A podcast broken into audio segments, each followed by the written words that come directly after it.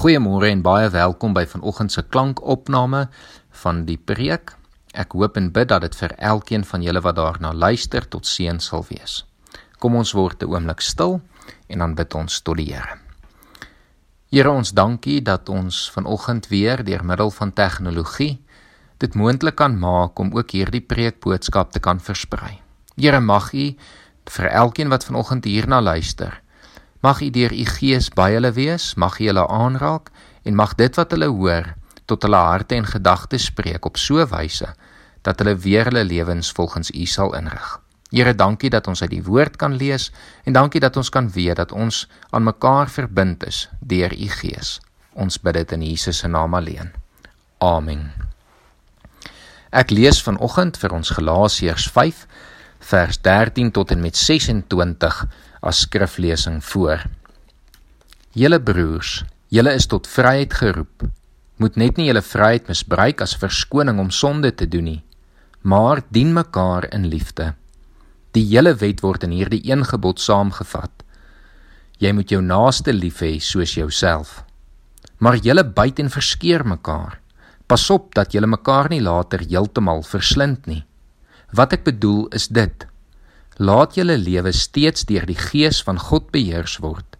Dan sal julle nooit soog voor begeertes van julle sondige natuur nie.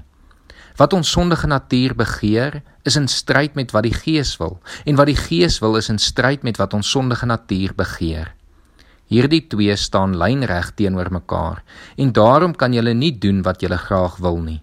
Maar as julle julle deur die Gees laat lei, staan julle nie meer onder die wet nie. Die praktyke van die sondige natuur is algemeen bekend.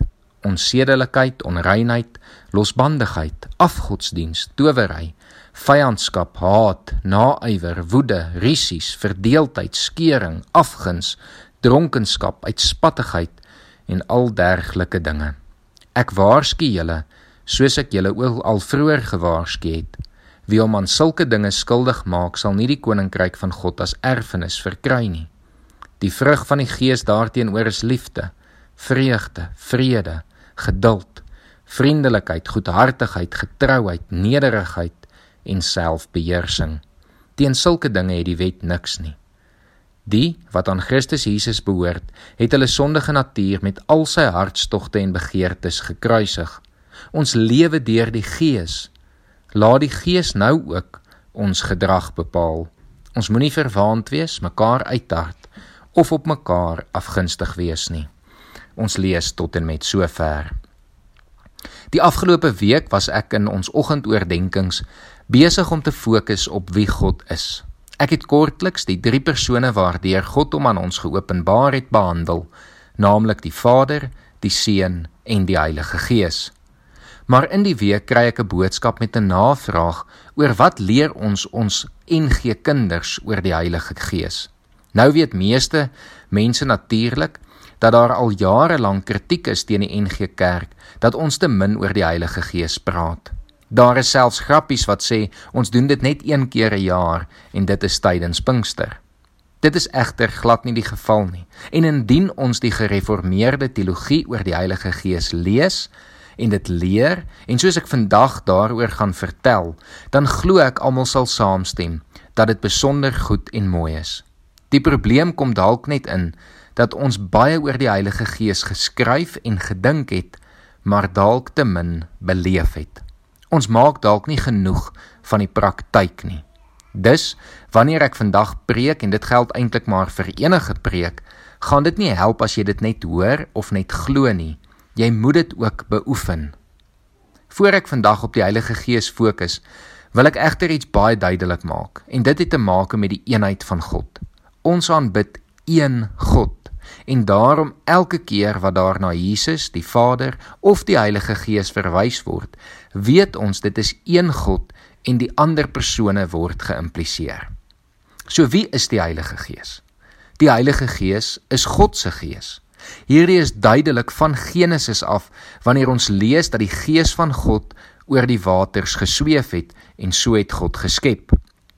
Ons leer in die belydenisgeskrifte dat die Heilige Gees uit die Vader en die Seun gaan en sodoende in ons en in die wêreld werksaam is. Miskien sukkel ons om die Heilige Gees te verstaan omdat dit van die drie persone die mees misterieuse beelde is wat gebruik word om hom te beskryf. Wind en vuur en die teenwoordigheid van iets soos 'n duif word gebruik om die Heilige Gees vir ons uit te beeld in die Bybel. Maar ons hoef nie te dink dit te dit te abstrakt te maak nie. Want die duidelikste waar ons die Heilige Gees sien, is in ons medegelowiges. Hoe ontvang ek die Heilige Gees? Is dis dalk 'n belangrike vraag. Hoe sien ek die Heilige Gees in my of ander se lewe raak? Indien jy in Jesus glo en hom as verlosser aanneem, het jy die Heilige Gees reeds ontvang. Onthou, ons aanbid een God en ons kan nie God wil skei nie. As ons Jesus as seun en God as Vader aanvaar het, dan het die Heilige Gees reeds in ons lewens ingekom. Toets vanoggend jouself. Kan jy sê Jesus is Here? Die Bybel sê jy kan dit net doen as jy die Heilige Gees het. 1 Korintiërs 12 vers 3 sê niemand kan sê Jesus is die Here nie behalwe deur die Heilige Gees. En 1 Johannes 4 vers 2 sê hieraan ken julle die Gees van God. Elkeen wat bely dat Jesus werklik die Christus is, wat mens geword het, het die Gees wat van God afkomstig is. So niemand moet asseblief ooit vir jou vertel dat jy eers iets anders moet doen om die Heilige Gees te ontvang nie, of jy moet eers 'n spesifieke gawe kan doen wat bewys dat die Gees in jou is nie. Dit is alles nonsens. Maar wat ons dalk wel so bietjie vanoggend op moet stil staan, is die volheid van die Heilige Gees. Ons lees in verskeie gedeeltes in die Bybel dat iemand vol van die Heilige Gees was. Dit kan dan klink asof jy net half met die Gees vervul kan wees, maar dit is nie die bedoeling nie. As die Gees in jou is, dan is hy volledig en volkome in jou. Maar hoeveel beheer jy vir die Heilige Gees gee, bepaal hoe vol jou lewe van die Heilige Gees sal wees. Want dit is eintlik die essensie waaroor alles gaan en wat bepaal hoe ons in ons lewens prakties die Heilige Gees beleef of nie. Daarom is vanoggend se sleutelvers vers 16 wat sê: "Laat julle lewe steeds deur die Gees van God beheer word." En daarmee saam vers 25: Ons lewe deur die Gees. Laat die Gees nou ook ons gedrag bepaal. En dit is wanneer ons ons aandag meer op die praktiese van die Heilige Gees fokus dat ons begin verstaan wat die rol van die Heilige Gees in ons en die kerk se lewens is. Wat is die rol van die Heilige Gees? Alhoewel daar eintlik te veel rolle is om vandag almal in besonderhede te bespreek, soos byvoorbeeld die Heilige Gees wat in Johannes 14 en 16 vir ons as die vertrooster, ons raadgewer, ons voorspraak wat ons lei in die waarheid alles uitgebeeld word. En in Romeine 8 wat sê die Heilige Gees pleit namens ons en daar verskeie tekste is wat dit vir ons baie duidelik maak dat ons aan Christus verbind is deur die Heilige Gees, kan ek vanoggend nie op elkeen van hierdie aspekte ingaan nie, want eintlik sal elkeen van hierdie aspekte 'n aparte preek kan wees. Maar vandag wil ek fokus op twee van die belangrikste aspekte rakende die rol van die Heilige Gees. Die eerste is die heiligmaking van elke gelowige en die tweede is die opbou en uitbou van God se koninkryk. Die heiligmaking van elke gelowige vind plaas deur die sondige natuur te verwyder en te vervang met die vrug van die Gees. En ongelukkig hier speel ek en jy 'n groot rol. Ons kan of hierdie proses maklik en vinnig laat plaasvind of ons kan die werking van die Heilige Gees teenstaan soos die Tessalonisense gemaak het in hoofstuk 5 vers 19. Daarom ook dat Galasiërs 5 vanoggend vir ons herinner dat ons ons lewe deur die Gees moet laat beheer. Met ander woorde, ons moet beheer van ons lewe aan die Gees oorgee elke dag en in elke oomblik. Ons moet deur die Gees gelei word. En dit is hier waar ons of voller van die Heilige Gees kan wees of nie. Dit is deur die hoeveelheid van ons lewens wat ons in beheer oorgee aan die Gees wat maak dat hy 'n voller impak in ons lewens het of dan nie. Galasiërs maak dit vanoggend vir ons duidelik dat ons menslike natuur in stryd is met die Gees. Die menslike natuur is sondig en begeer net wat sleg is. Daarom wil die Gees ons daarvan verlos. Moet my vanoggend asseblief nie verkeerd verstaan nie. Ons is reeds ten volle vrygespreek deur die kruisiging en opstanding van Jesus, wat natuurlik ook die werk van die Heilige Gees was. Maar Ons word eers finaal van ons sondige natuur vrygemaak, verlos, losgemaak wanneer ons toelaat dat die Gees dit uit ons lewens verwyder. Dit is waaroor die heiligmakingsproses gaan. En dit is dan so wonderlik want die Gees vervang ons sondige natuur met sy vrug. Sy vrug wat teen ons sondige natuur liefde, vreugde, vrede, geduld, vriendelikheid, goedhartigheid, getrouheid, nederigheid en selfbeheersing is. sien jy hierdie vrug in jou lewe? sien jy dit in ander se lewens of nie?